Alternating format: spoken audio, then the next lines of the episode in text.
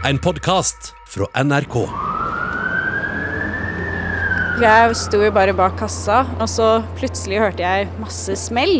Sånn fem-seks smell etter hverandre. Sånn da, da, da, da, da, da. Og eh, jeg tenkte ikke at det var noe skudd eller noe, men det var en veldig rar lyd. En kjølig morgen onsdag 28. april skjedde det noe rystende midt i Oslo. Noe som så å si aldri skjer her i landet. I en rolig gate, hvor bygårdene har høye, buede portrom og forseggjorte svarte smijernsbalkonger, ble en kvinne skutt på kloss hold med flere skudd mens hun satt parkert i sin egen bil. En person er bekrefta død på stedet. Vi har kontroll på åstedet. Mye tyder på at drapet ikke er tilfeldig. Hva kan ligge bak denne alvorlige hendelsen på trygge Frogner i Oslo?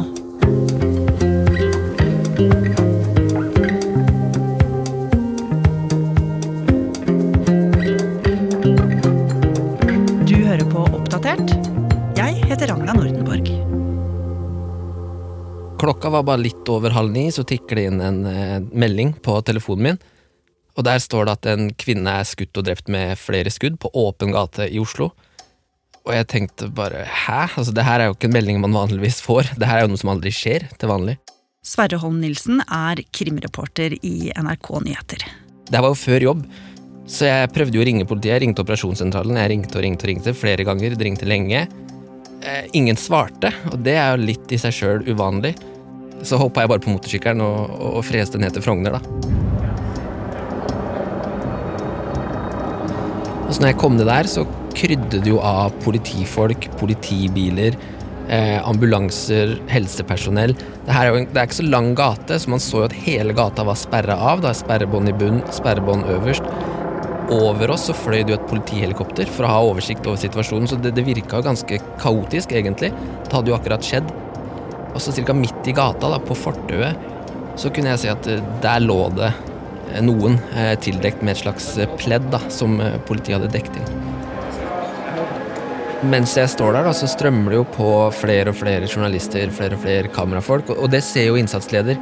Så han kommer jo forbi sperrebåndet og gir en kort oppdatering på, på hva som akkurat har skjedd. da. Og hva var det?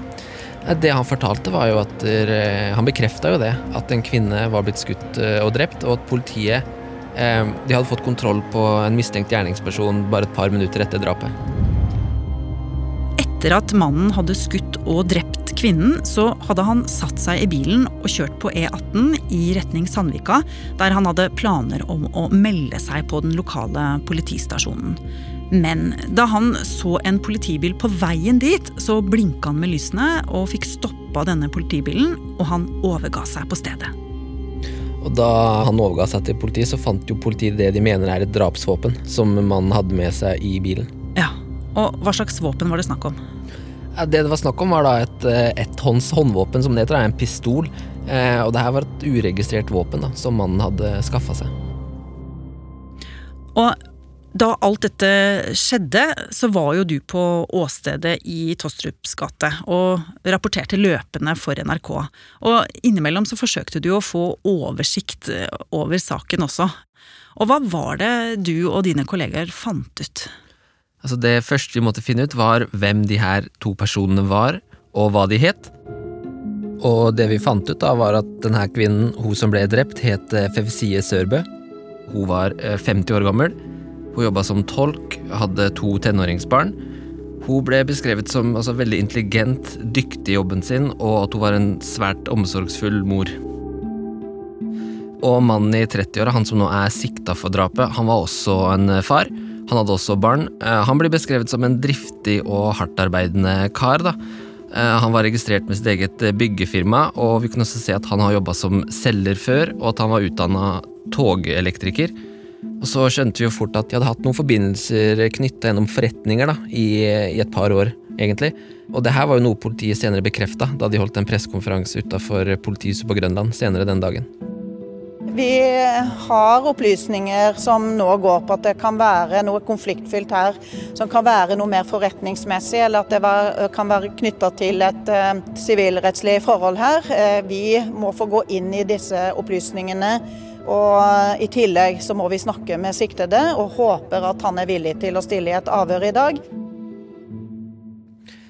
Og det ble jo egentlig veldig fort klart for oss da, at det her dreide seg om en byggekonflikt knytta til to eiendommer i Oslo. Den drapssikta mannen hadde vært prosjektleder for den her drepte kvinnen på de her boligprosjektene. Så oppsto det en tvist mellom de her to som førte til at mannen så sent som i desember i fjor ble dømt til å betale erstatning på nesten 12 millioner kroner pluss saksomkostninger på nesten 1 million kroner til denne kvinnen. Um, det er jo en dom som ble anka, så den var jo ikke rettskraftig, men allikevel så er det jo tydelig at det her er en mann som risikerte å tape mye penger, og som var i trøbbel, da. Ok, så dere fant ut at den drepte kvinnen hadde vært mannens oppdragsgiver i forbindelse med et byggprosjekt, og at dette da hadde gått galt på en eller annen måte, og at han skyldte henne ekstremt mye penger. Men hvordan hadde disse to menneskene endt opp i den situasjonen? Det var jo det vi prøvde å finne ut av, så vi, vi gikk jo og fikk tak i denne dommen fra desember, og så begynte vi å nøste opp i, i det her, da, i denne konflikten. Det ser jo ut til at det har vært en ganske idyllisk start da, for de involverte her. Vi vet ikke helt når det var de møttes og ble kjent, men det vi vet er jo at de har hatt barn som har gått på samme skole, og at de har blitt eh, kjent, og de har vært kjent i flere år nå. Ja, og på det man leser i avisen, så kan det jo virke som om disse fikk en god tone. Ja, og ikke bare det, da, fordi ekteparet har jo også lagt merke til at han her sikta har gjort en veldig god jobb når det kommer til hans egen bolig. Eh, han hadde erfaring med riving og bygging av boliger, deriblant sin egen. Så i 2015 så leide ekteparet inn mannen som nå er sikta for drapet, til å pusse opp eh, deres egen hytte på Hafjell. Eh, litt senere så fikk han også da i oppgave å administrere noen utleieleiligheter som Sørbø ektepar hadde. Hm. Og det tyder jo på at de stolte på denne mannen. Ja, fordi også i 2015 så hyra det inn mannen som prosjektleder til de her to eiendommene som ekteparet hadde i Oslo. Og det er jo i konflikten som oppsto rundt disse to eiendommene, at politiet nå leter etter motivet. Ja. Det ene prosjektet gjaldt en ombygging av en leilighet i Oslo, mens det andre var et mye større prosjekt. Det dreide seg om byggingen av en praktvilla på Oslo vest. Det ble fort klart at mannen ekteparet hadde hyra på til å gjøre jobbene, ikke gjorde ting etter boka. I arbeidet med leiligheten ble det avdekket flere alvorlige feil som måtte rettes opp i. Men det stoppet ikke samarbeidet. Arbeidet med praktvillaen fortsatte. Ifølge Dagens Næringsliv sendte ektemannen til avdøde flere endringsønsker til prosjektlederen. Bl.a. en innendørs bowlingbane og flere andre rom som det ikke var blitt søkt om i første omgang. Og snart gikk arkitekten ut av prosjektet. Og da kommunen fikk et tips om at det var blitt bygget flere hundre kvadratmeter utover det som tillatelsen ga, sjekket de nærmere. Det var bygget både større og nærmere nabogrensene enn det som var godkjent. I tillegg kom det inn klage fra naboer, bl.a. over at det var for mange trær som var blitt felt, og flere reagerte på at bygningen hadde fått stå som et enormt betongskjelett i flere år. Og midt oppi dette døde Sørebøs ektemann plutselig våren 2018 etter å ha vært alvorlig syk. Og sommeren 2018 fikk prosjektlederen beskjed om å stanse utbyggingen av praktvillaen. Nå sto altså Fevsie Sørebø helt alene med et stort og uferdig byggeprosjekt med millioner i lån. Og høsten samme år fikk hun nok, og gikk til sak mot den nå drapssiktede mannen i 30-åra som var prosjektleder. I denne rettssaken som gikk i 2019, så kom det fram mye interessant, egentlig. Eh, blant annet så sier en av byggerådgiverne, som var til stede i retten og vitna, eh, som har mange års erfaring i dette faget, han var nærmest sjokkert over det han mente var si, den manglende kunnskapen og kompetansen til prosjektlederen. Eh, han forklarte i retten at han aldri hadde opplevd noe lignende, faktisk, og han reagerte spesielt på da, at det ikke fantes noe skriftlig dokumentasjon på den jobben som hadde blitt gjort på denne braktvillaen. Hm. Hva var det motparten sa, altså prosjektlederen? Nei, Han slo jo tilbake. Eh, han mente at Sørbøs ektemann, før han døde, hadde bidratt til de her feilene og til denne her skaden som skjedde. Eh, og han mente jo at han måtte dele skyld i det som har skjedd, at han ikke skulle sitte igjen med all skyld i det her prosjektet, for det, det var han ikke alene om, mente han. Og i disse rettsdokumentene så kan vi jo også lese at eh, prosjektlederen, altså han som nå er drapssikta, ikke hadde kompetanse eller utdanning eh, for å kunne følge opp sånne store byggeprosjekter. Og enden på visa den gang var jo at han ble jo ikke trodd av retten, og han ble jo da dømt til å betale denne her giganterstatningen. Men siktede, han anka. For det var jo mye som sto på spill for ham, og saken skulle komme opp i 2022. Men før ankesaken kom opp, så skulle det skje noe mer. I rettssaken hadde det kommet fram opplysninger som gjorde at det var grunn til å frykte at han ville forlate landet, noe som ville gjøre det vanskelig for Sørebø å få utbetalt erstatningssummen. Men hvem var denne fyren her egentlig, Sverre? Altså, Hva var bakgrunnen hans? Vi begynte å, å undersøke det nærmere. Det er litt spesielt at han først har tatt på seg så store oppdrag.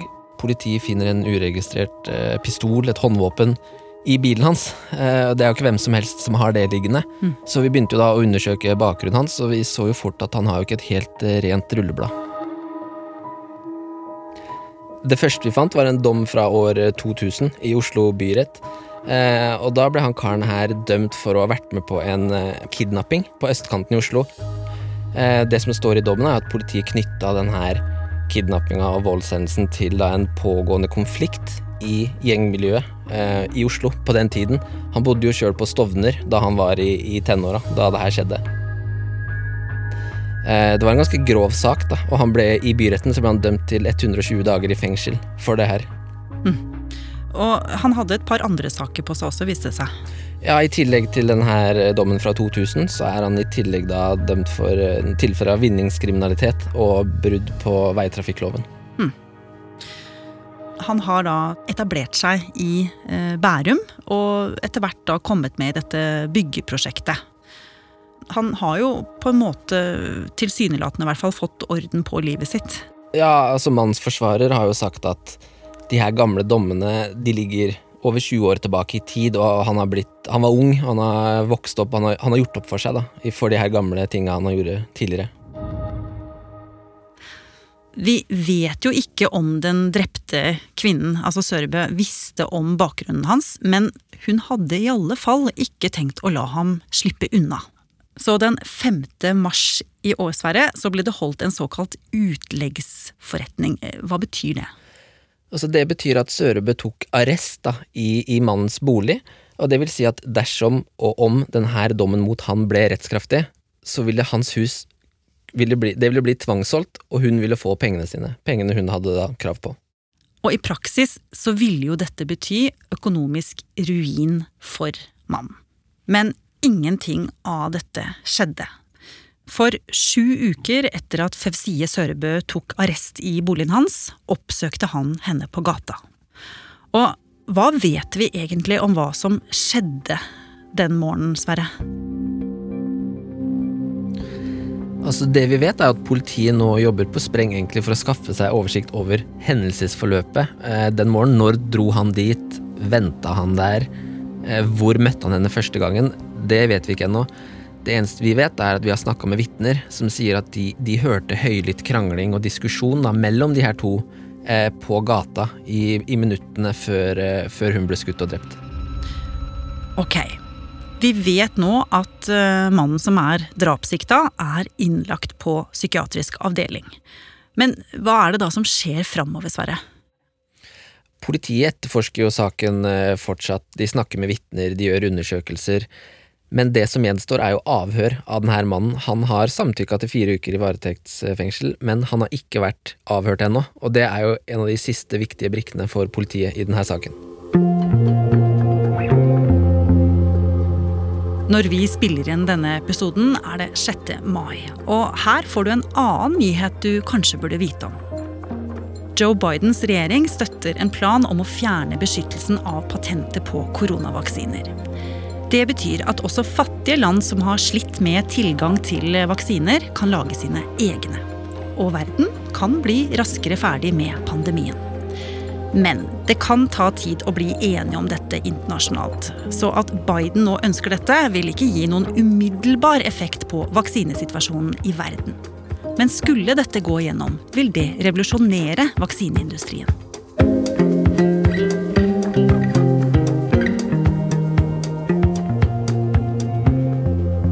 Har du lyst til å bli fast lytter av oss i Oppdatert og få påminnelse om nye episoder, er det bare å følge oss i NRK radioappen. Og så er det veldig hyggelig hvis du vil anbefale oss til en venn. Oppdatert er en podkast fra NRK Nyheter, og denne episoden er laget av Dang Trind, Bendik Hansen, Pål Gauslå Sivertsen, Andreas Berge og meg, Ragna Nordenborg. Eva Midthun Leira er redaksjonssjef. Vil du kontakte oss, gjør gjerne det på oppdatert krøllalfa nrk.no. Før så samla vi oss for å høre på radioen. Nå lytter vi på hva vi vil, når vi vil, og mest for oss sjøl. Podkast fra NRK. Vi lytter for å fylle ventetid, bli underholdt, oppdatert og litt klokere. Vi lytter for å la oss bevege av sterke historier. Eller bare av musikk. Så selv om mye har forandra seg, er det viktigste som før. Podkast og radio samler oss. For selv om vi nå lytter mest for oss sjøl, er vi aldri aleine når vi hører på. NRK Radio vi hører sammen. Hør podkaster og din NRK-kanal i appen NRK Radio.